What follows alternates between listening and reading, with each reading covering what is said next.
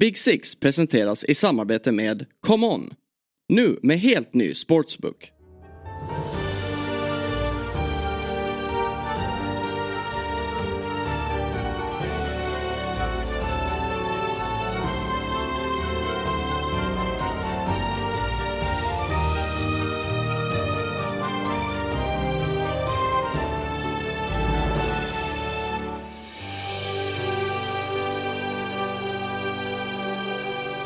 Hjärtligt välkomna till ett nytt avsnitt av Big Six Podcast. Det är avsnitt nummer 118. Det är den 2 november och eh, vi sitter här, jag eh, och Kalle, efter Chelsea har vunnit mot Blackburn och Manchester United eh, sedvanligt har förlorat mot Newcastle. Vi måste ju såklart prata om den matchen och vi ska göra det, men eh, det får kanske bli lite längre fram.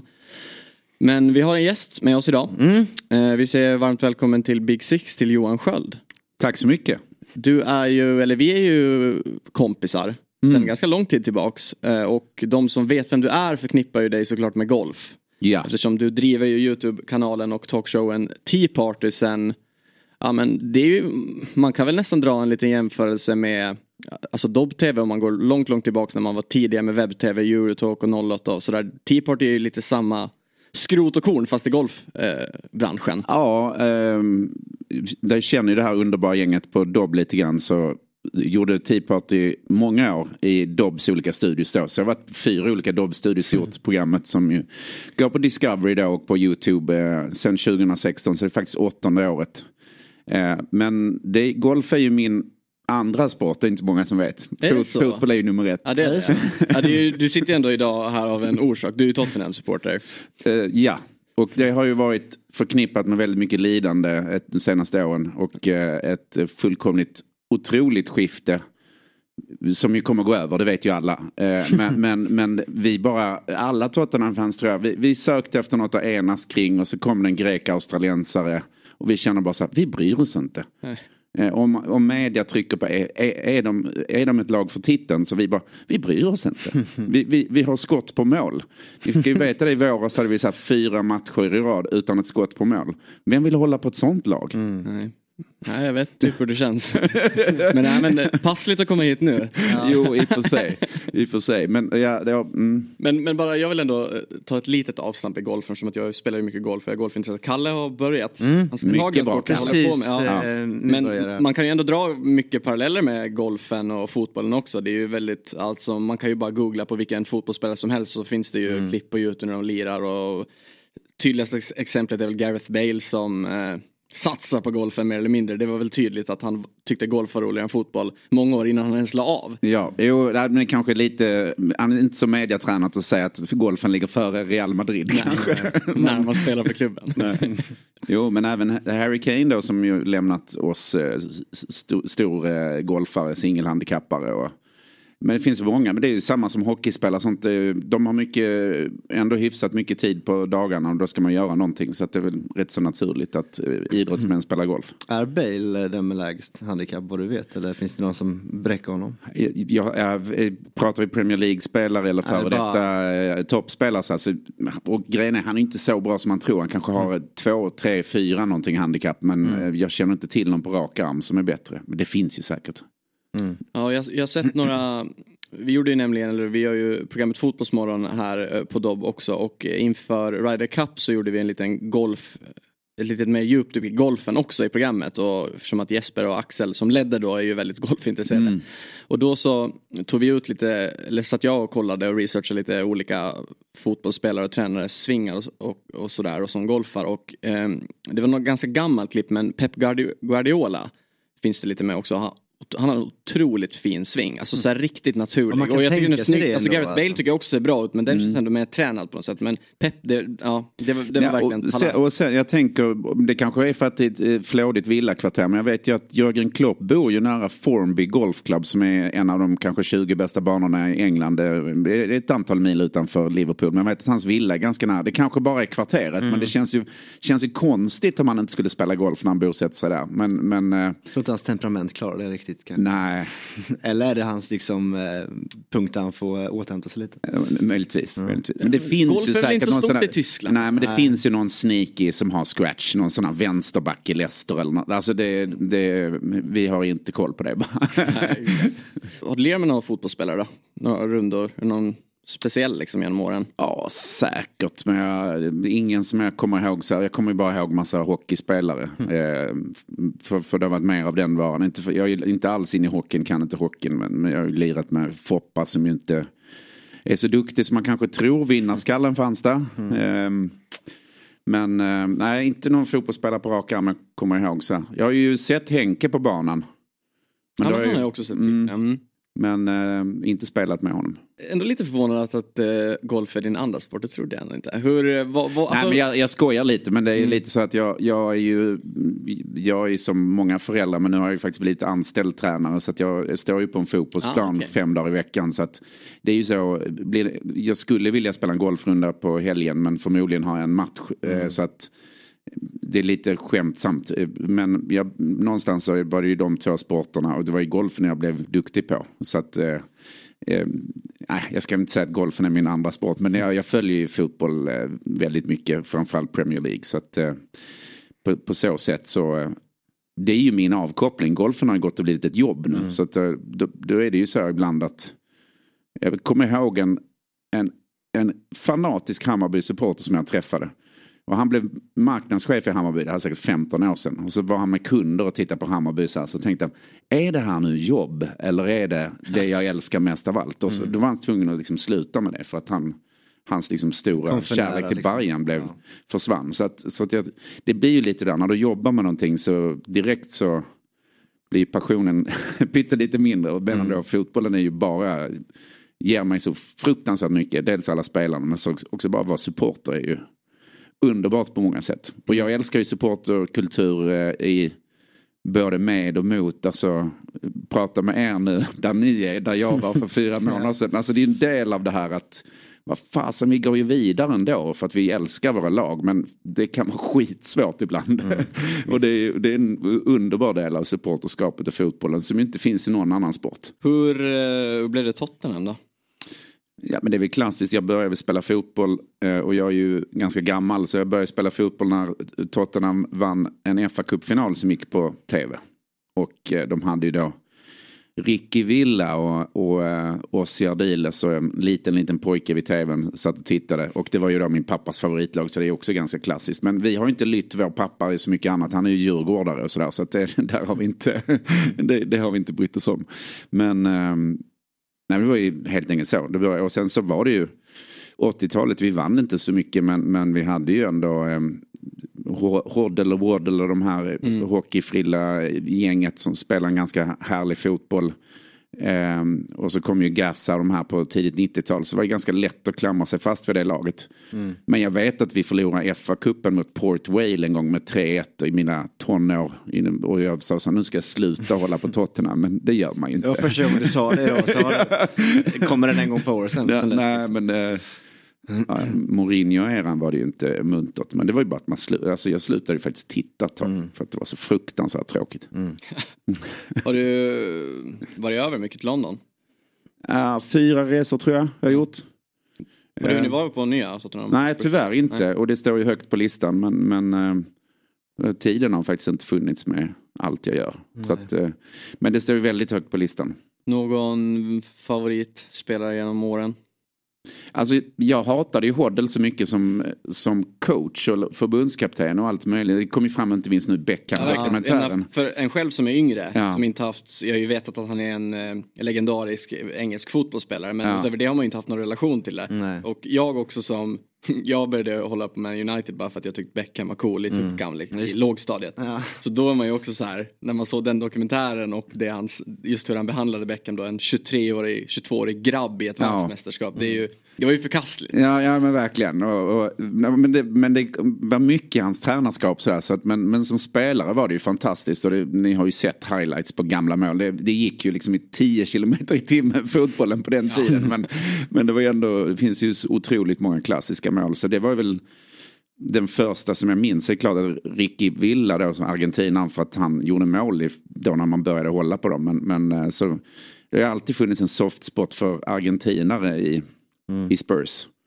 Men sen så när jag, då när jag var över som mest då var det ju Robbie Keane som var stor spelare eftersom det var de gångerna jag reste över eh, innan barn och sådär. Så, um, så han var ju häftig. Men sen så, så tycker jag ju Harry Kane har ju varit han har ju gett oss så mycket även om han inte har vunnit någonting. Och det vore väl ironiskt nu om, om det skulle bli titlar när han har, han ja, har vi, försvunnit i Bayern. Rök, Bayern rök ju igår mot den här eh, tredje divisionsklubben som ja. ligger på 15 plats tror jag. Ja, nu är det väl bara ligan och Champions League kvar för Bayern. Så det vore ju... Det var för övrigt i Fotbollsmorgon, nu pekar jag här nere i bordet för att vi sitter mm, med den skylten.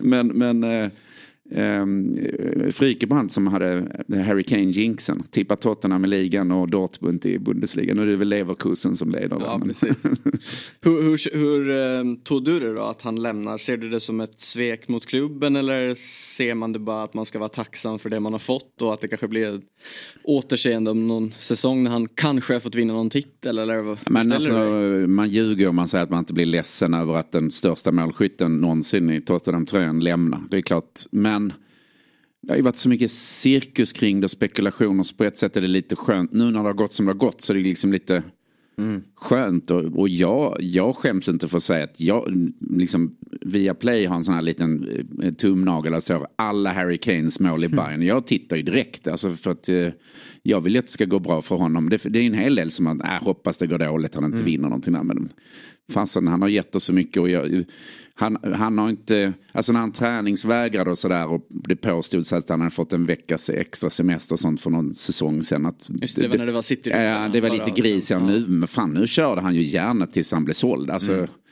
tycker ändå, han, han har ju alltid varit en sån här eh, kapten med stoppbollar och så. Liksom inte visat så mycket känslor. Så, så att, nej, jag, jag, det är klart man blir ledsen men det var inte så överraskande. Och nu kan man också tänka, hur bra hade Tottenham varit med Kane? Mm. Så är det ju. Det är Eller hur bra var det att man blev av med Kane? Ja. Jo, men jag tror, jag tror inte det blir sämre. Det, det som händer är att du, du flyttar ut Son, som ju är skadefri den här säsongen. Säger ju en del om Conte också som tränare. Han älskar ju att spelare är tillgängliga. Och tillgänglighet kan ju vara att du spelar skadad, som i Sons fall. Mm. För eh, Conte älskade ju Son som en son, sa han. Och Sonen fick ju spela då med skador och eh, gjorde det inte så bra förra året. Jag tror han har kommit upp i lika många mål nästan nu. Eh, mm. Efter tio omgångar som på förra säsongen. Så att, så att eh, då hade man flyttat ut sån till vänster, Kane i mitten. Det hade inte varit dåligt det heller. Så sluppit mm. Richarlison. Ja. hade du tagit eh, det Tottenham som det är just nu? Eller ett Tottenham där Kane var kvar där det kanske hackar lite mer. Man kanske låg på en, vad ska man säga, femte, sjätte, sjunde plats just nu i tabellen. Alltså, mm.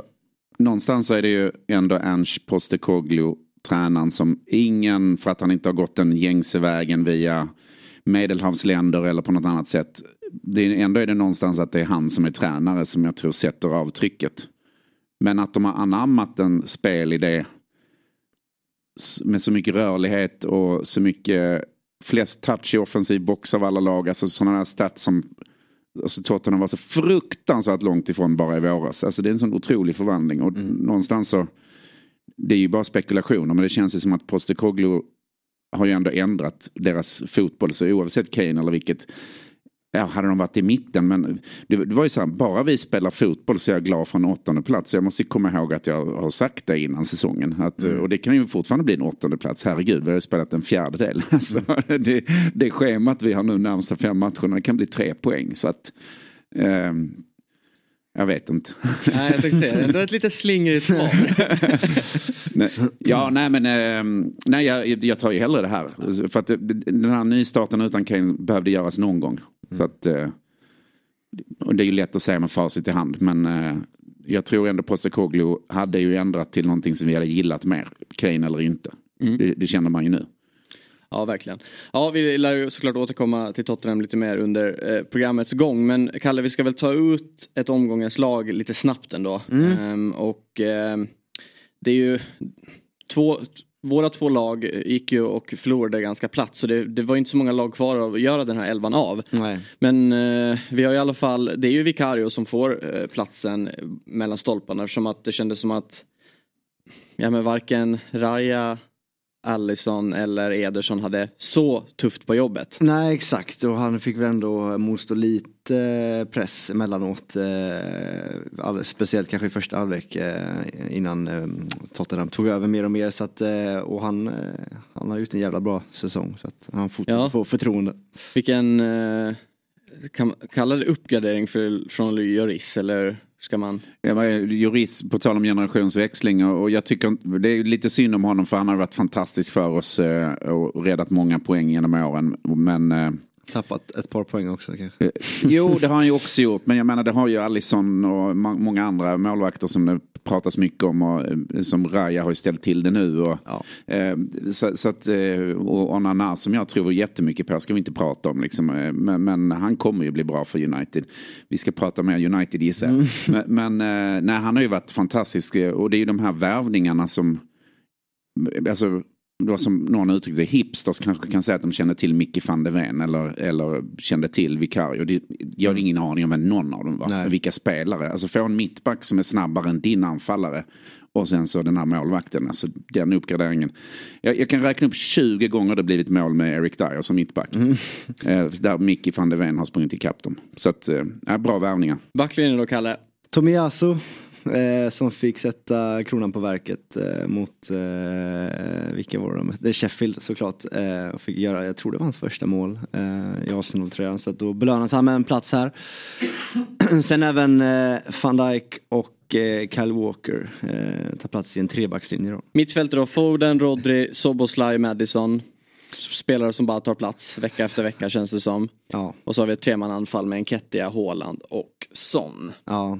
Eh, det, men, och apropå då om vi ändå ska ta lite avstamp i någon av dem så då Enketia som ändå går och gör ett hattrick. Och om man ska säga samma sak då med Tomiyasu, ja, det är ju två spelare som absolut inte är ordinarie i Arsenals gala 11 om man säger så. Men att man ändå den typen av spelare kan kliva in och spela och gör så här bra prestationer. Det säger ju ganska mycket om Arsenal generellt ja. också, hur bra laget mår. Och, de har, den bredd man har. Ja, de har fått sån jäkla bredd nu. Alltså äh, verkligen när man kollar på elvan och ställer upp igår som så här, om du kollar lite hastigt på den så ser det ut som att ja, det här är väl typ första laget. Och sen räknar du på det, ja, men hur många brukar starta i ligan? Då är det väldigt få. Eh, liksom. Men det ser fortfarande väldigt starkt ut. Sen förlorade de igår ändå, trots det. Mm. Eh, men vad spelare för spelare så har de liksom två ruskigt bra elvor just nu. Mm. Och det är inte vi vana att se Arsenal ha direkt. Nej, och att man åker ut ur Carabao Cup, man kan ju verkligen vända på det om, från lag till lag. Som ett lag som Man United till exempel, som jag har, svårt att säga att kommer vinna var nära att vinna en titel i år så är ju Carabao Cup då möjligheten. Visst, man vann ju den i fjol. Men som Arsenal som ändå kan ånga på i ligan och vara med och utmana även mm. i år och spelar i Champions League och där kommer man väl man har ändå haft det lite tufft såklart i gruppspelare med den här torsken mot eh, Lens va? Ja, Nej, precis. Ja. Eh, så finns det ändå jag men, jag, det, är ju ganska, det är klart inte positivt att åka ur en turnering men ändå sätt att bara kunna foka på allting annat mm. istället för att hålla på och spela få spelledigt när det är de här Carabao-omgångarna. Artetas cupfacit i Arsenal är ju inte supermycket att skryta om. Liksom. Förra säsongen så åkte man ut tidigt i eh, Europa League mot eh, Sporting i en åttondel. Man åkte ut tidigt både i FA-cupen och ligacupen. Nu åker man ur eh, ligacupen tidigt här igen liksom. Eh, FA-cupen har inte börjat än så där får vi se. Men det känns som att han är han är inte den bästa på att eh, liksom, rotera sina lag och spela de spelarna som kanske eh, kommer göra mest just den matchen. Eh, Saka brukar han liksom tvinga in i en elva likt Klopp gör med Salah liksom. Eh, igår spelade inte Saka från start liksom. Eh, så att jag vet inte om han... Eh, Men det gjorde Salah. Ja, han, mm. exakt. Eh, så jag vet inte, det, det är kanske fortfarande tidigt att eh, bedöma Artetas eh, liksom, kupptränargärning. Eh, vi vet ju bra han är på i en, i en liga liksom. Eh, det såg vi förra säsongen. Men eh, jag tycker det finns någonting vi, vi bör återkomma till. Eh, om något det är intressant med hans ledarskap någonstans. Att mm. det, både när det skulle avgöras i ligan, de var ju långt före i fjol. Mm. när det var ett par månader kvar i varje fall. Och Och det var ju samma när de spelade om Champions League-plats när de filmade dokumentären. Mm. Cupfacitet. Va, vad är det han säger i omklädningsrummet när det ska avgöras som gör att det inte funkar? Eller mm. är det bara att det är en hyfsat ung trupp och de får lära sig helt enkelt mm. den hårda vägen? Men det känns lite som att han är ju han är ju en fantastiskt begåvad fotbollstränare.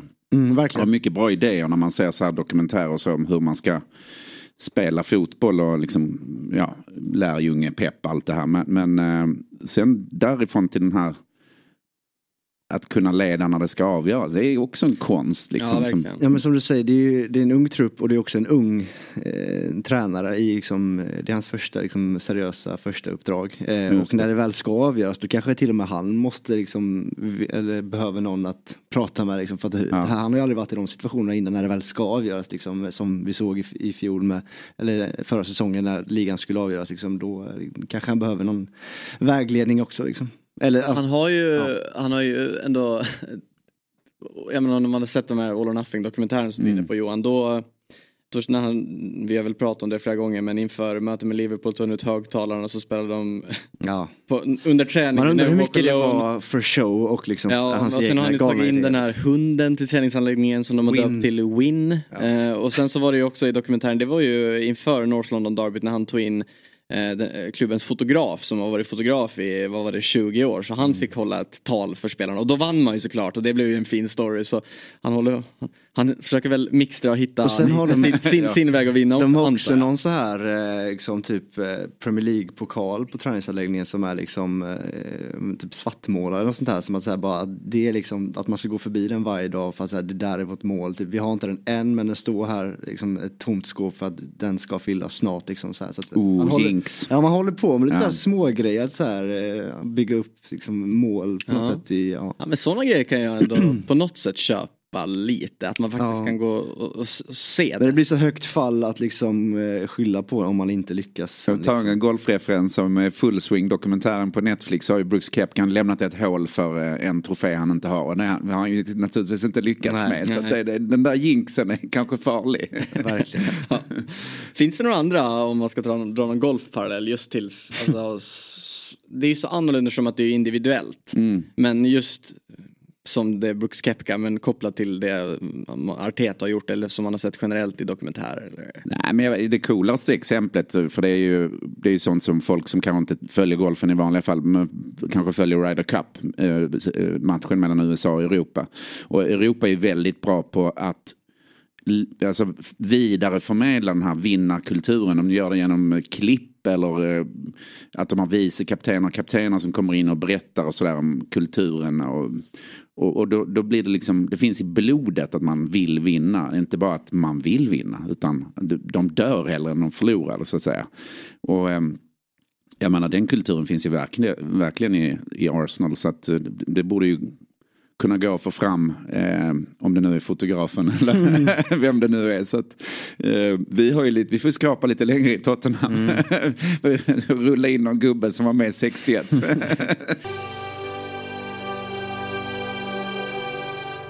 Inget torsdagsavsnitt utan att vi presenterar ett spel inför helgen och det gör vi såklart tillsammans med ComeOn som precis lanserat en ny sportsbook med riktigt grymma odds och Kalle, Mm -mm. Turen har gått över till dig. Ja. Det är en trippel på gång. Mm. Låt höra. Kul att få eh, lägga en trippel på helgernas matcher. Jag vet inte om jag gjort det innan. Så att, eh, jag är ruskigt taggad. Och vi eh, hittar ju tre matcher som alla kommer spelas på lördagen här. Där Manchester City kommer ta emot ett Bournemouth som jag knappt tycker behöver åka till eh, eh, Manchester för att här kommer de få dyngtorsk. Och jag har lagt man City minus 2,5 vilket betyder att Man City måste vinna med tre mål eller fler och det tror jag de eh, nästan kan lösa innan paus. Eh, samtidigt spelas också Everton-Brighton eh, där jag har tippat Brighton rak att vinna borta mot Everton. Eh, Everton har förvisso vunnit två raka matcher här men jag tror att Brighton med eh, en vila i veckan kommer taggare och löser segern på bortaplan här. Och till kvällen så väntar ju Newcastle Arsenal stormatchen eh, på lördagen. Eh, och jag tror det är två, två lag som kanske båda är rätt nöjda med ett kryss. Båda lagen spelade i ligacupen i veckan och eh, kanske är lite tröttkörda. Så att under 2,5 mål känns rimligt. Eh, och det är hela min trippel som eh, med ett boostat odds från Common landar på 9,5. Och spelet finns som vanligt på common.com under fliken experterna och vi länkar även det på vår Twitter eller X.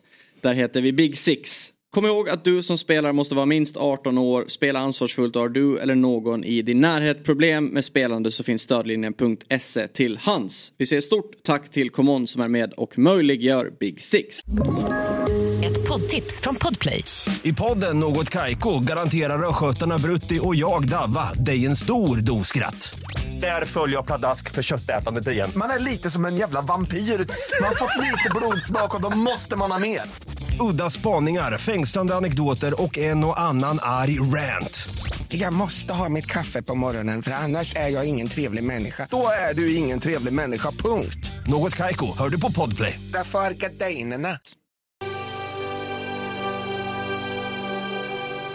Om vi ska eh, ta oss an eh, matchen på Old Trafford då.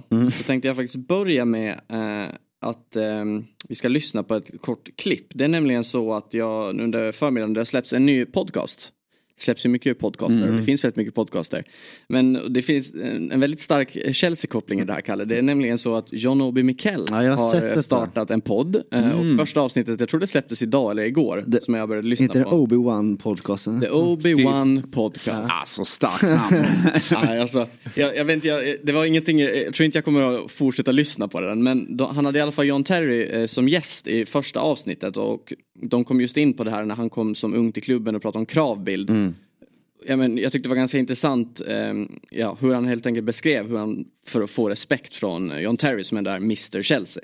took me it took it took him a while to you know to end that respect to give me that a little bit of respect you know. Uh, because you, obviously when you come into Chelsea back you just don't get respect straight away. You have to show that you you you belong here. You have to show that you want to play for the club you're not just here for the money. You have to show that you love the club and you want to perform. Uh, and who else do you want to uh, show that? Who do you else do you want to demonstrate that to? Except you know, he's the guy. Uh, so we, we, you know, we all have to show him that we we want to be here. Uh, we want to, we love the club like he does. He's Mr. Chelsea. So so until he gives you that respect, you don't get it from anybody else. And it took me few years until I, I started performing the way I should perform at the club. Um, until then, he didn't give me that. Jag tänker bara direkt på eh, United då. Och eh, om, om man tänker på alla miljarder som Ten Hag har fått spendera på sina spelare som inte spelar, är avstängda i princip från klubben eller bara spelar vecka in och ut och är totalt värdelösa. Och Jag menar Anthony har ju tagit fler kort eh, sen han kom till United än vad han gjort poäng. Och jag tänker just, just det exempel han ger att när han kom till Chelsea då fanns en John Terry där som var klubben. Och att man fick inte respekten innan man verkligen hade förtjänat den av honom. Och när du kommer till Manchester United idag som är världens, en av, ett av världens starkaste varumärken. Vem, är det, vem är det de ska visa upp sig för, de nya spelarna, de unga spelarna? Det Nej. finns ju ingenting i klubben. Men hur känner du för Roy Keane som s- pratar om Bruno Fernandes? För det kan jag som, alltså vi som håller på andra lag, Bruno Fernandes hatar man ju. Men ni kanske älskar honom som kapten, men hur känner du för Roy Keanes uttalande om att, det, jag vill inte säga honom som kapten, han gnäller bara. Alltså jag håller i mångt och mycket med. Jag tycker inte heller att Bruno Fernandes kanske skulle, ska vara kapten och att han är kaptensmaterial. Han är ju en otroligt bra fotbollsspelare men jag vet inte. Jag tycker också, sen kan jag tycka att, sen förstår jag att de sitter och rantar sådär i sina studios för det är ju fortfarande showbiz de gör. Eh, men sen kanske Roy Keane ändå, han, den typen finns inte längre på det sättet i den moderna fotbollen. Jag tror inte går, man måste plisa alla kids som kommer upp i, i den här generationen på ett annat sätt. Men jag tycker ändå det är fel, eller jag tycker, jag tycker inte han borde fått binden från första början. Jag tror ju också att Ten Hag, det var ju ändå som att allt blir så fel nu i efterhand också eftersom att Maguire är kvar i klubben. Han blev av med kaptensbindeln. Tanken var ju såklart att han skulle lämna någon gång i somras. Det gör han inte, han blir kvar. Och sen ser det ut som det gör, det gör det inte saken bättre heller. Och att Bruno Fernandes är den typ av spelare han är.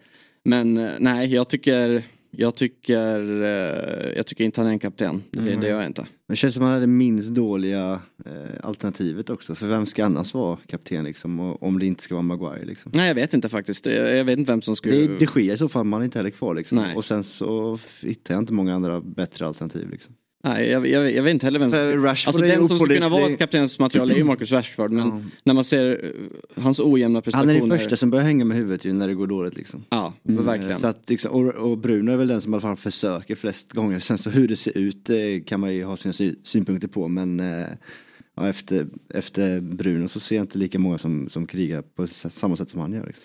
Nej, och sen och apropå det med eh, alltså den typen av mentalitet och tuffare ledarskap det var innan som under Roy Keens tid och så vidare. Bättre var det på Ja. Eh, Viera och Keens tid som många gillar att referera till. Men, eh, Tjena David Fjell. Ja, ja, men som, som uh, Ten Hag också, det känns ju som ja, men den, det holländska, han är ju också hård och den delen. Det kanske inte riktigt, det ledarskapet, det kanske inte bara funkar på den, på den här typen av spelare, typ moderna spelare. Man, det var ju, det sades ju nu efter derbyt att Men de fick sitta tysta i omklädningsrummet och lyssna. Zlatan-intervjun ändå när Zlatan säger att han, är, ja, man kommer från Ajax. Alltså, jag, jag gillade ändå Zlatans take på det. Eh, som han sa i den här Piers Morgan-intervjun. Att, eh, han är ju van vid att utveckla unga talanger. Då kan man ha hårda nypor. Jag bestämmer det så här. Men här är ju människor som... Men det, det, det är lite den här... Det är, tycker jag är en förändring som har varit i Tottenham. Att nu, plötsligt vill man spela i laget. Under Conte så var det så här. Jag vill inte vara här. Då vill inte de vara här heller. Alltså någonstans det så blir det kulturen. Det är lite som jag känner med United nu. Det är så fruktansvärt. Alltså man ser hur många bolltouch en spelare som får bollen har. Alltså om vi kan börja med mittbacken. Det är ju, det är ju aldrig under tre touch på Maguire och Lindelöf. Bara för att få ordning på bolljäveln. Eh, och, och, och jag menar, titta på Arsenal eller City. Går ju tusen gånger snabbare allting. Eh, Så det är ju liksom ett lag utan självförtroende. Men den här vägvisaren någonstans som, som man saknar lite grann. Och, och de här som ja, men bänkar dem då. Så, men jag vet inte vad det finns. För att det borde ju finnas från de unga leden. Alltså i United-tradition. Att eh, ja, men den här människan dör ju för att spela här. Och, och Mount har väl varit liksom katastrof. Men, men eh, jag bara menar, jag tycker ändå, tycker ändå när han eh, kom in igår. Eh, så att, det, alltså så här, jag tycker om matchen igår att Newcastle också, det är ju tre skott, tre mål lite Ja. grann. Det är fina prestationer men det, men alltså, det är tydlig skillnad på Ja. ett lag som är i form och som tror på det de gör. Och Ja. De kan, de kan ställa, ställa, de ställer ut liksom en helt ny elva här nästan. Liksom, och spela. Ja, det är ti- Emil det- Kraft kommer tillbaka som Det sagt. är tio förändringar Ja. sen helgen. Emil Kraft stått som mittback, han har spelat fotboll på 12 månader typ liksom, efter en korsbandsskada och han är en ganska bra match liksom. Så här, och, liksom, Paul så här, Dammet. Ja, Ja. Tino Livramento gör en jävla vansinneslöpning, spelar fram till Almiron, så är mål, eh, Lewis Hall eh, liksom, eh, Jo, ny men också Halls mål. mål. Det är klart att det är hans första mål. Ja. Ett skott, ett mål. Exakt, så att det stämmer ju som fan för United Ja. Stämmer, men liksom, vet du och då men- möter man ett United som är på andra sidan liksom och då, ja. Men jag det- vet, men det det stämmer också alltid för alla lag mot Man United. Ja. Man, jag, man har suttit så många gånger efter och sagt ja men de hade egentligen inte så många chanser men alla lag gör ändå mål. Ja. Ja, jo, men, och det är ju en sak. Men sen så att United skapar ju väldigt lite farliga chanser. Alltså det är lite... Noll. Ja, men United, eller Mount har ett skott från långt håll sådär. Men, men, men eh, ja, jag- ni har säkert pratat ner Anthony mycket. Men han är ju helt ofarlig en mot en. Jag, tror inte, han- jag tror inte ens han kommer förbi en spelare på konstgräs. Eh, och det är väl ändå det som ska vara hans superkraft. Nej, han är så Eh, dålig. eh, så, så att... eh, Han är, jag, sa det, jag tror jag sa det förra veckan, men han är som den spelaren Mm. vars eh, i ett pojklag man spelade i som pappan tränade. Som alltid fick, eh, sonen fick, eller dottern får alltid speltid på bästa positionen även fast det finns andra spelare. Ja. Jag vet inte om du känner dig träffad här. Ingen fara. ja. men, men det är verkligen så. Ja, men en sjuk grej är ju med när man kollar på laguppställningen i United att Anthony Martial fortfarande är anfallaren som ska leda fram det här laget liksom. Och han har varit där i åtta år nu typ. Och jag såg eh, ett klipp med Gary Neville pratade om också, liksom, att, att det, är, det, är ett, det är nästan ett skämt att, att han liksom ställs ut så här och ska liksom, ja, vara anfallaren som, som leder det här laget Men det, framåt. men det finns ju ingen eh, arbetsro som med Höjlund. Så här, är ändå många tror ju på att det ska kunna bli någonting. Men den arbetsron finns ju Nej, inte nej. riktigt i United. Det är för stor klubb för att det ska... Jag menar att han ska komma in match efter match och vara den som ska leda laget. Han, och det, jag menar, det är ju sorgligt att man ser att jag, det är en av de spelarna som sticker ut positivt. Han har inte gjort ett mål i ligan. Nej. Men eh, det är ju verkligen så. Och han, han, en, en värvning som honom som kommer in som har spelat typ knappt en säsong i Serie A innan det var i Österrike och Köpenhamn och snurrat. Eh, ska gå in och leda United. Det är ju det, det ska inte vara så. Det ska ju, han ska ju, hans, en sån värvning ska ju egentligen i en toppklubb skolas in och få speltid i kanske ja, men, några Europamatcher, den här typen av cupmatcher. Mm. Han ska ju inte vara den som ska vara startspelaren i ligan och sen vara den som sitter på bänken en sån här match. Nej. Det är ju, Och på samma sätt kom väl eh, Martial till United också. Ja. Liknande sätt att alltså, han köptes för en dyr summa och var väl 18-19 år och sågs också som den här, okej nu menar vi allvar, nu kör vi. Och sen sätts han in i, med väldigt... För, med mot mycket- Liverpool och göra mål. Ja, han började ju bra liksom, men, men de liksom, eh, förväntningar som fanns på honom var ju inte heller så uh,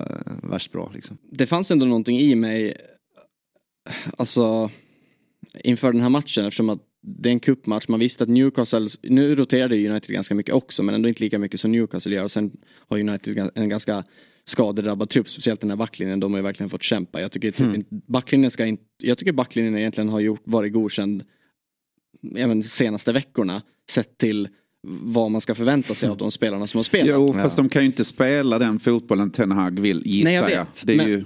Men, eh, men det, jag, alltså, det jag ska komma till bara att eh, jag, eh, ja, men, jag har ingångsvärdena med att Newcastle kommer ju vila mycket. De, de tuff match eh, till helgen, eller liksom haft tufft spel i ligan i helgen och sen nästa vecka så är det Champions League igen i en grupp som det är verkligen där man sätter fokus. Och de har ju också en ganska skadedrabbad situation och ganska många spelare borta. Så man tänkte ändå inför att det här kanske faktiskt är en match man städar av här. Och eh, sen går man tillbaks till ligalunket och förlorar mot Fulham eller vem det nu är i helgen. Jag har inte knappt orkat kolla.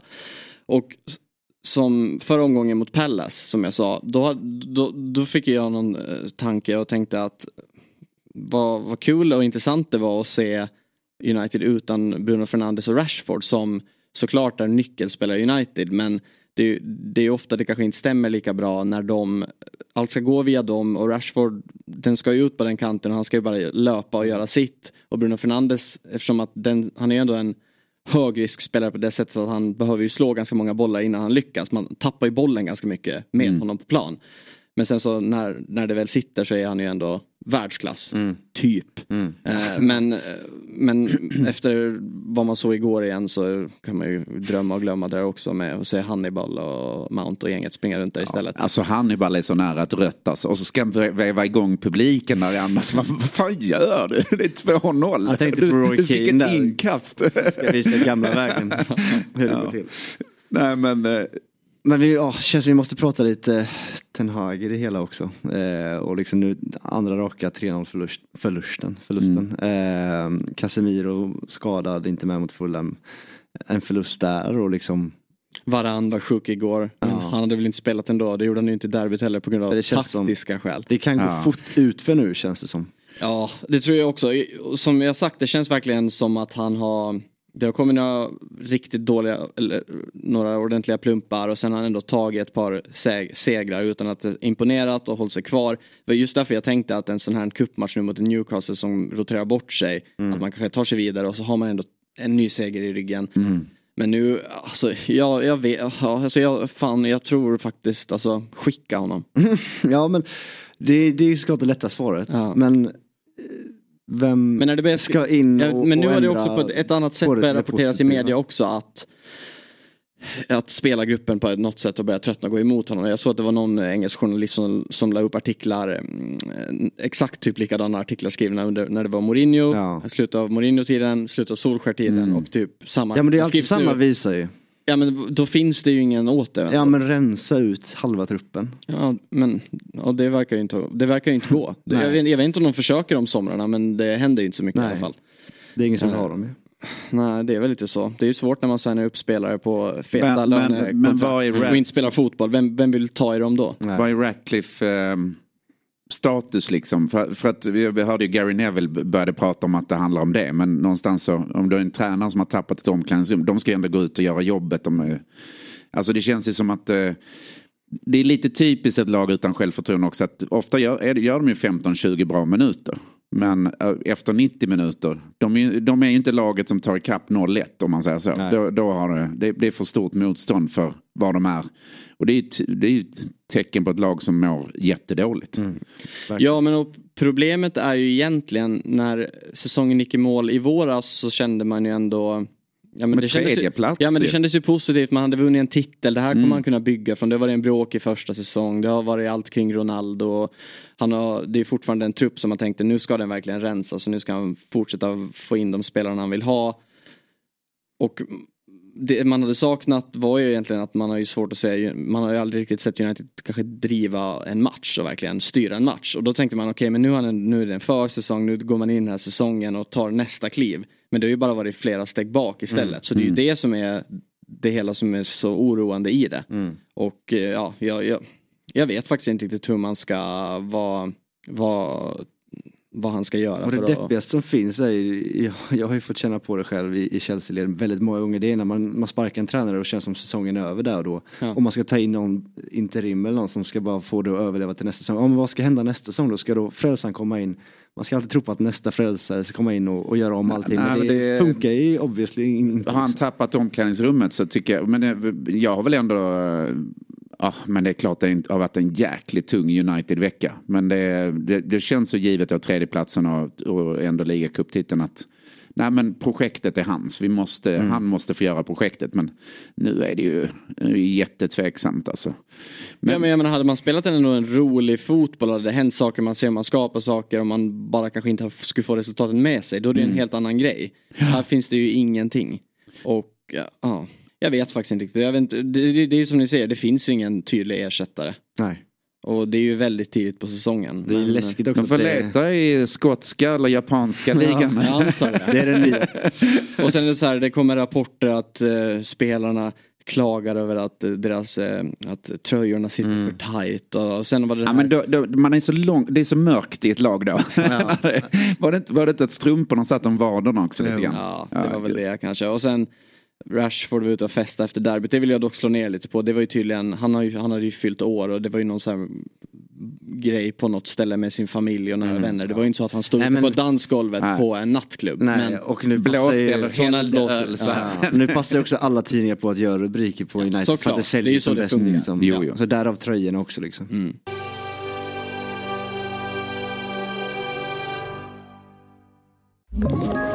Ett poddtips från Podplay. I fallen jag aldrig glömmer djupdyker Hasse Aro i arbetet bakom några av Sveriges mest uppseendeväckande brottsutredningar. Går vi in med hemlig telefonavlyssning och, och då upplever vi att vi får en total förändring av hans beteende. Vad är det som händer nu? Vem är det som läcker? Och så säger han att jag är kriminell, jag har varit kriminell i hela mitt liv men att mörda ett barn, där går min gräns. Nya säsongen av Fallen jag aldrig glömmer på Podplay.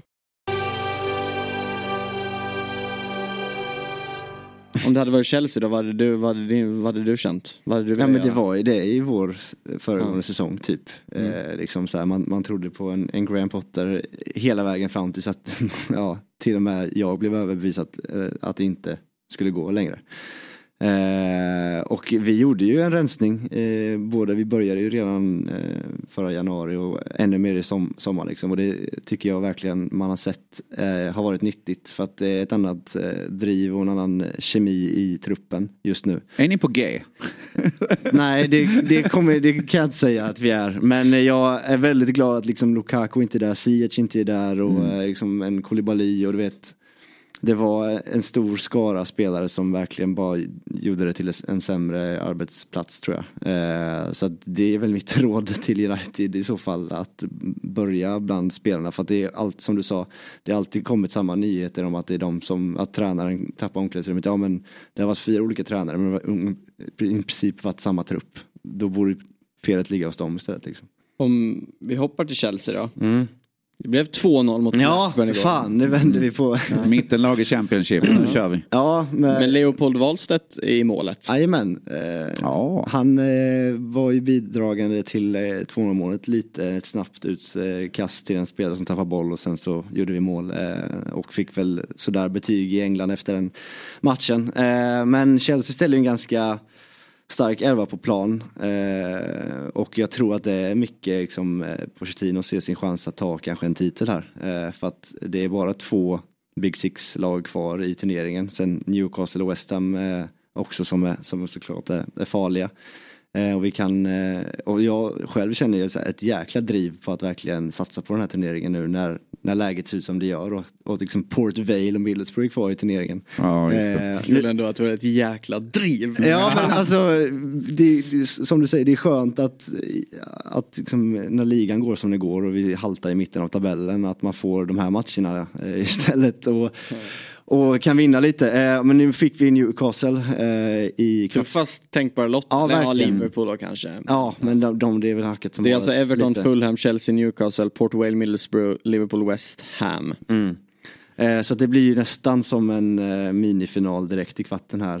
Eh, Men jag, som jag sa, jag tycker vi ska satsa på den och hoppas på att Newcastle kanske inte tar lika, den Men tävlingen lika seriöst Är inte. Chelsea ändå bättre mot ett Newcastle än mot, som i helgen mot ett Brentford? Alltså Jo. att eh, lag som spelar fotboll. Jag är ju livrädd inför måndag till Ja. exempel. Det är, ju- det är ju vändningen för Chelsea. Jag vet ju om att de kommer att vinna den matchen. Ja, men vi har ju varit bra mot eh, topplagen vi mött hittills. I premiären mot Liverpool liksom, chockade vi väl många att vi såg så redo ut kanske eh, under Pochettino. Arsenal är vi så nära på att vinna men eh, lite kvar i eh, gamla dagar med att en ung trupp som kanske inte riktigt orkar hålla ut sista och stänga en match fortfarande. Eh, och nu väntar ju Tottenham eh, om vi redan ska gå dit liksom. Eh, så att och Pochettino har ju visat att han är, han är bra på eh, storlagen och eh, manövrera ut andra storlagstaktiker. Eh, så att jag, på det sättet så ser jag positivt på den matchen. Sen så är det såklart värsta tänkbara motstånd och det skiljer liksom 14 poäng lagen emellan. Det, jag, jag undrar om det någonsin är gjort det i, Aldrig. i, det här, i den här, att det är Tottenham som har 14 poäng Nej, mer nej. än Chelsea. Liksom. Nej, nej, nej. I alla fall inte i modern tid. Liksom. Inte i Premier League, det kan jag inte tänka. Kanske innan 90-talet någon gång. Hur tror du eh, Pochettino kommer tas emot då? I norra London. Eh, ja, jag vill prata mer om Chelsea. Men, Mm. eh, jo, nej, men jag, jag tror så här, om man ser tillbaka, visst det var en härlig tid. Vi hade ju, när Leicester vann så tycker jag att vi kanske borde vunnit ligan. Eh, men det gjorde vi Chelsea såklart som inte. kom emellan istället. Eh, ja, men det gjorde vi såklart inte. Men, eh, och, och Champions League-final och sånt. Men nu har det gått så pass lång tid. Det kommer vara, det kommer vara de som buar, men de flesta, jag tror de flesta kommer inte bry sig bara. Eh, och han kommer kanske, eh, applådera, han mot läktaren kommer folk applådera tillbaka. Någon kommer, det kommer vara blandat. Men det är liksom lite som allting just nu, vi bryr oss inte. Alltså, Ni är svävar bland målen liksom. Ni Ja. inte bry er om andra Nej men jag, jag tror just när det går bra också sådär. eh, Hade det varit eh, liksom kontetiden nu i våras. Fan nu, nu har vi något att vara arg på, vad skönt. Alltså nu, nu är det. Ja, det, det ska bli spännande att se. Men, eh, för jag har försökt läsa mig till om det finns någon liksom gängse uppfattning. Och, och att hylla honom är ju nog eh, ingen som tycker. Och bua är väl liksom inte så Nej. starka krafter för heller. Så jag, jag tror det är ganska så svalt egentligen. Har du varit nära eller har du kanske läst hans bok? Eh, Brave New World? Nej, faktiskt inte gjort. Nej. Är, är det ett lästips? Ingen aning. Nej. Jag tror nog inte jag kommer ta mig an den. Det är ju Inside Pochettinos Spurs. Mhm, Ja, Så, intressant. Nej men, men uh, gud jag blir så trött på sånt där. Som, alltså, som fan så tänker man det här borde man ju säga men jag bara, jag vill inte, ibland vill jag inte veta. Jag säger gärna så här, eh, det är någon sponsor som filmar av träningspassen. Tycker jag är jättekul. Eh, men eh, just de här inside, oh, gud nej. Det görs för mycket. Typ, Ja men det görs för mycket, jag är inte så road av det med mitt egna lag. Jag tänkte fråga om Chelsea, har han liksom hittat, för backlinjen är han ju ganska konsekvent. Mm.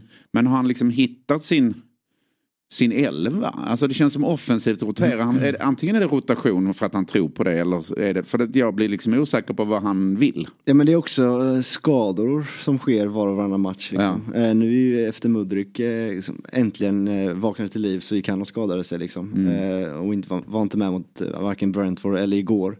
Eh, backlinjen är likadan där, den har ju sett ut så för att det är för många skador. Eh, Jo men det är ändå, man ser ju en linje i att ja, men det är de här han vill spela i en backlinje. Men jag, jag tycker liksom, för det blir lite olika. Det är kul det här med de här topptränarna. Man ser liksom att Pochettino har tittat lite på De Serbi, hur man pressar på offensiv plan och sånt plötsligt. Alltså att de, det är ändå, och- Klopp tar efter Pep lite och flyttar in. Alltså att det är roligt att de här tränarna ändå, de, även på toppnivån, eh, tittar på varandra lite grann. Liksom. Eh, men eh, men jag tror han har satt en, en kärna i alla fall nu och det är väl mittfältet med Caicedo, Enzo och Gallagher fram, framför. Eh, och, Mm. och som du är inne på pressspelet där är Gallagher en mästare i, det är hans största, bästa egenskap. Ja. Eh, för att mot Brentford så var inte Enzo Fernandes med. Eh, och då, droppar Gallagher ner i en roll han inte ska vara i för att han är långt ifrån, långt ifrån Långt samma ifrån- bollkontroll som Enzo Mm. har och tappar den flera gånger i liksom uppspelsfaser eh, som inte hade skett med Enzo. Liksom. Utan han ska vara Han ska högre upp. han ska vara den första som sätter press Mm. liksom, med anfallarna och där är han hur bra som helst. Eh, och sen så Cole Palmer är ju briljant återigen igår i cupmatchen. Inte världens bästa motstånd men han är verkligen den som eh, tar tag. Är han favoriten i år? Eller känns som det är väldigt positivt Ja men alltså, sen han kom in så, eh, ja, jag blev helt frälst faktiskt. Ja. Eh, och, och han bevisar ju det gång efter annan också, eh, hur, hur duktig han är. Eh, och han bara spelar på sån här ren, eh, vad säger man liksom, på ren känsla liksom. Till skillnad från många andra. Jackson har ju blivit ett sorgebarn eh, och det går ju att dra lite paralleller till det vi var inne på med Höjlund där. Att liksom, han köps in som en första anfallare. Nu är en han, skadad han med. har väl haft så han har- otur just för att faktiskt en Ja, han har inte haft så mycket draghjälp. Han hade ju behövt lite skydd som vi var inne på att det borde finnas någon anfallare som kanske tar eh, det tunga lasset och han får ja, spela cupmatcher, hoppa in, li- lite så. Han har ju fått vara vår frontman från start eh, liksom. Eh, och eh, bevisar ju återigen igår att han inte riktigt är där eh, mentalt liksom. När var ett London-derby satt en måndag senast? Jätteförvånande. Tycker du det? Ja. Brukar de inte spara, eller just London derby vet jag inte. Nej, men men, helgens eh, stormatch brukar ju ofta vara söndag 17.30. Ja, Ja. nu är det en annan stormatch lördag 18.30 istället ju med Arsenal och Newcastle. Jo men ändå. Ja.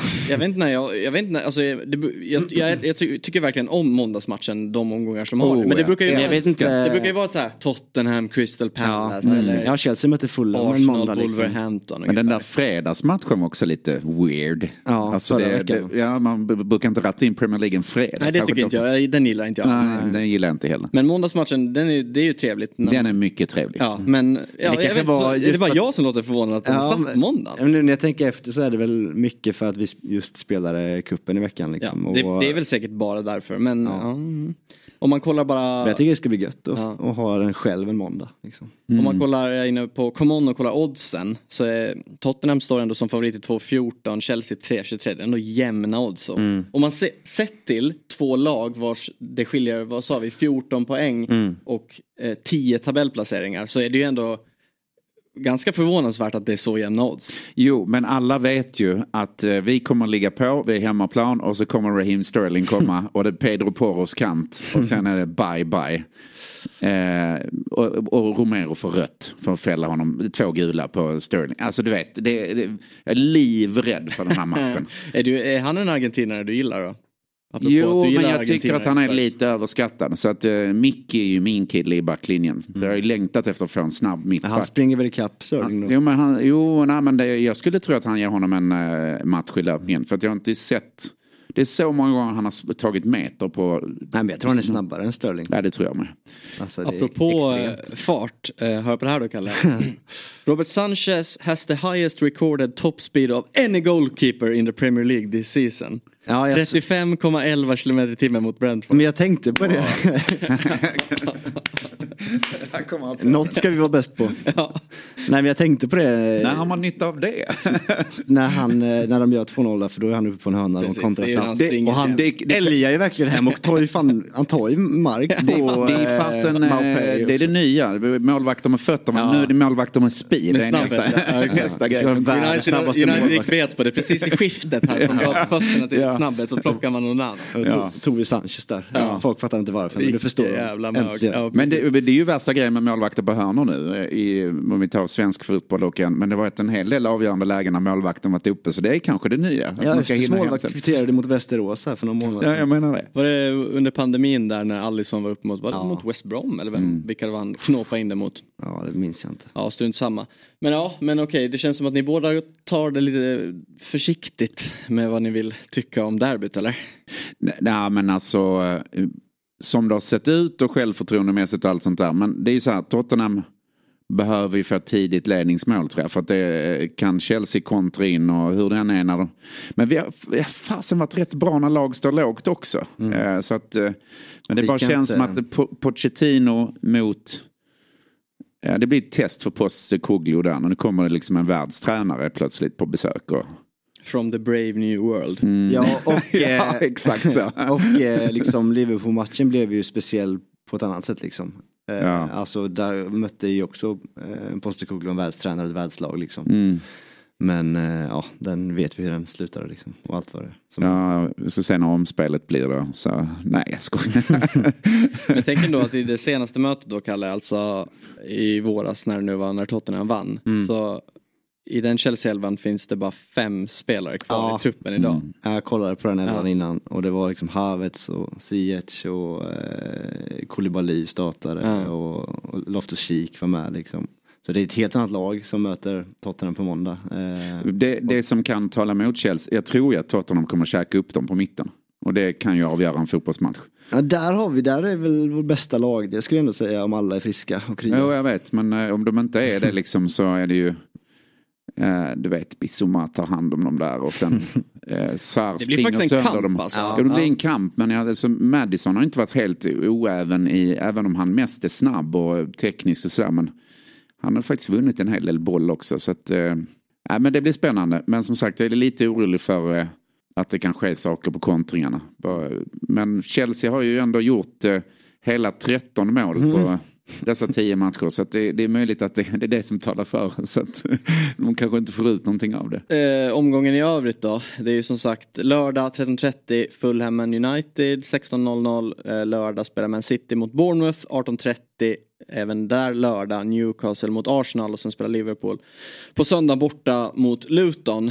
Vi har inte Eh, pratat någonting nästan va? Om West, jo det gjorde vi om West Ham och Arsenal. Men det, det är ändå en intressant match. Newcastle, jätteglädje, 7000 tillresta efter ligacupmatchen här. Och Arsenal leder 3-0 mot West Ham alltså. De får liksom inte till det alltså. Pressar högt och liksom lyckas störa Arsenal ganska mycket. Men kanske just som ni säger, fan vilken bra elva de har. Och sen så tittar man på bänken. Ja just det, de är på bänken. Så det kommer ju vara annorlunda med en Premier League start 11. Men Men det var ju faktiskt 3-1 så det kanske ger mer än 3-0. Just det, det var 3-1. Ja, ja, ja, just det. Ödegård, Typ 98 gjorde, Ödegård gjorde mål, Ja, ja. Mm. Ja, nej, men det... Han sprang inte och hämtade bollen i nätet efter det. Nej, men det, det, det ger ändå lite andra ingångsvärden in i den matchen. Ja, Jag tror det. Ja. För jag trodde faktiskt, som jag var inne på, apropå att Newcastle satsar, ska, eller det gjorde, de gör ju det faktiskt, satsar Mm. på alla andra turneringar. Sen vinner man ju ändå mot United som är klappkassa. Men jag trodde, man trodde verkligen att ingången skulle vara att kanske Arsenal kommer eh, med ett avancemang i ligacupen och Newcastle kanske ändå åkte ur. Och det kanske skulle finnas någonting där. Men Jag ja, skrattar så mycket åt din, att du sa klappkassa med en suck och inandning samtidigt. Det, det, är sån, det är sån smärta som är... Åh, gud. ja men eh, ja. Nej men det, den har ju som du säger helt nya ingångsvärden nu. Sen, jag tror ändå Arsenal vinner matchen för att Newcastle ändå inte sett så bra. Och också skador som sagt. Så att, eh, Ja, Isak blir borta eh, ett tag ja. ett tag till nästa landslagsuppehåll vad det verkar. Jag vet inte om det är ett Sverige men hatar inte ni international breaks? Jo. Nu är vi ju ändå i en Premier League-podd, Big Mm. Six. Nej, alltså nu är- måste vi väl kunna säga att Ja, kan vi inte bara lägga ner landslagsfotboll? Och också att det, det blir väl det tredje nu snart för Ja. den här hösten. Det måste ju vara någon sorts av Jaha, och så VM förra, alltså mitt i jäklar när ligan är som bäst. Man, ja, det är deppigt i Sverige men du har åtminstone Premier League Jag på tänkte helgen. ändå säga det eftersom att jag är ändå inte svensk här så jag kan ändå sätta er under en kam. Ja. Hade de svenska framgångarna varit framgångar, dessutom svenska framgångar, de, de, det hade funnits framgångar Ja. i det här kvalet och det hade levt och sådär, då hade det väl ändå varit en annan grej med de här uppehållen nej, också. men jag är inte gul och gulo-maffian. Jag ser- tittar hellre på en Premier League-matchen på svenska herrlandslaget. Alltså, skulle det finnas en eh, måndagens derby mot eh, Sverige-Kroatien i ett gruppspelsmatch i ett VM samtidigt. Det är ju en omöjlighet såklart. då, Men då skulle jag se på den engelska matchen. Men, eh, så jag, det, jag eh, talar ju inte för en majoritet där, men det är bara min smak liksom. Ja men det, det, Fyra- det kan jag nog ändå hålla med om. Fyra, fyra, två och, och låta de andra ha bollen. Och, och nu försöker man ju ändra lite från den svenska modellen. Men fy fan vad tråkigt det är. Mm. Nej, eh, lägg ner international breaks. Det såg vi nu med Fifa och eh, 2034. Så det är ju bara att lägga ner. Ska vi säga någonting om Fulham Man United? Ska... Finns, jag vet inte om, Sista finns det chansen. någonting att Erik. tillbaka? Ja, det, alltså så här, jag tycker det borde vara det Mm. egentligen. Om det, bara, Mm. om det fort, fortsätter bara vara den här Men det hade dödgrävarfotbollen. varit typiskt om liksom det står 1-1 i 94, McTominay byts in och nickar in en hörna och ni, ni vinner med 2-1 och sen är det samma visa igen. Ja men det är precis det, det är precis det du är inne på att det har varit lite så här defibrillatorvinster. Ja, exakt. Så att, att, ja ni vann men alltså FC Köpenhamn, alltså sådär så blir Ja. det, ja, det men blir det är en så- seger men varför, hur fasen såg det ut då? Ja. Eh. Nej, men så Nej, men det var ju så det var under Solskär också egentligen, hans sista tider och sådär. Och det är ju precis det- jag känner också. Och det var därför jag trodde att kanske en seger mot Newcastle just skulle Men Fulham gett honom ändå, Lite driv! gett lite puls här några omgångar. Men Fulham ändå kommer försöka, alltså bara de inte släpper in, alltså man- de skulle behöva vara kvar i matchen på något sätt. Alltså få utdelning i den här första kvarten, de är bra eller när de orkar sätta press. Eh, Men det är ju det där, alltså som Newcastles mål, första mål igår. När de får kontringar mot sig så blir det ju. Det är ingen, det är ingen liksom Casemiro har mycket kort nu. Det beror ju på att han inte hinner med längre. Nej. mm. ja, han är ändå Sen- skadad så det spelar ingen roll. Nej, nej, nej, han är ju väck. Men jag bara menar, eh, fan de saknar ju den spelartypen framför backlinjen också tycker jag. Som är av United-klass. Ja, Amrabat har väl inte riktigt kommit Nej, in alltså, och varit på, den tal om, på tal om svaga fötter, alltså herregud igår vad svag han var. Men det var som, lite det jag är inne på, att det går så långsamt. Men det, han, alltså, det är ju nästan eh, Antoni-nivå på... Och Antoni ska väl ändå vara någon slags brasselirare på kanten. Herregud vad han tappar boll. Ja, det är nog kanske en av de sämsta värvningarna i Premier Leagues historia. Men är det inte dags för en eh, 0-0 match Fulham United då? För mig så en pinne på Craven Cottage va? Visst. Jag, Starta lördagen på Tar du- tar jag, jag, 0-0? jag, jag tar ett kryss på förhand. Du tar ett kryss? 100 procent. Ja, det är- 100 procent. Sjukt vad man, ni har kommit som klubb ändå. Ja. United. Ja. När man landar där. Ja. Väldigt kul att ha dig här Johan. Ja men tack, det var jättekul att snacka fotboll. Ja, du är välkommen tillbaks kanske någon gång när Det går lite pen- sämre när igen. pendeln har vänt. När det har vänt. Det Ja. kommer ju vända. Och som jag säger, de här fem omgångarna nu som kommer. Eh, typisk match för Chelsea att vända sin säsong. Det är ju lite så här Jag hoppas varannan du har match. rätt, men jo men jag är lite, som visst du. är det lite varannan match säsong så Ja. Nu är vi på gång. Nej det var vi inte. Nu är vi på gång. Så har det verkligen och, nu, och det, Ni kommer känna på måndag kväll, nu är vi på gång. Och sen så City och allt det där. Nej, du vet, tufft. Men ehm, jag hoppas och drömmer och I don't care vad alla tycker. Det är där vi är just nu, Tottenham-fansen. Jag köper det. ja, tack för, så mycket för att ni har lyssnat. Big Six är tillbaks på måndag igen med Jesper och Björn. Missa inte det. Ha en fin helg. Hej då.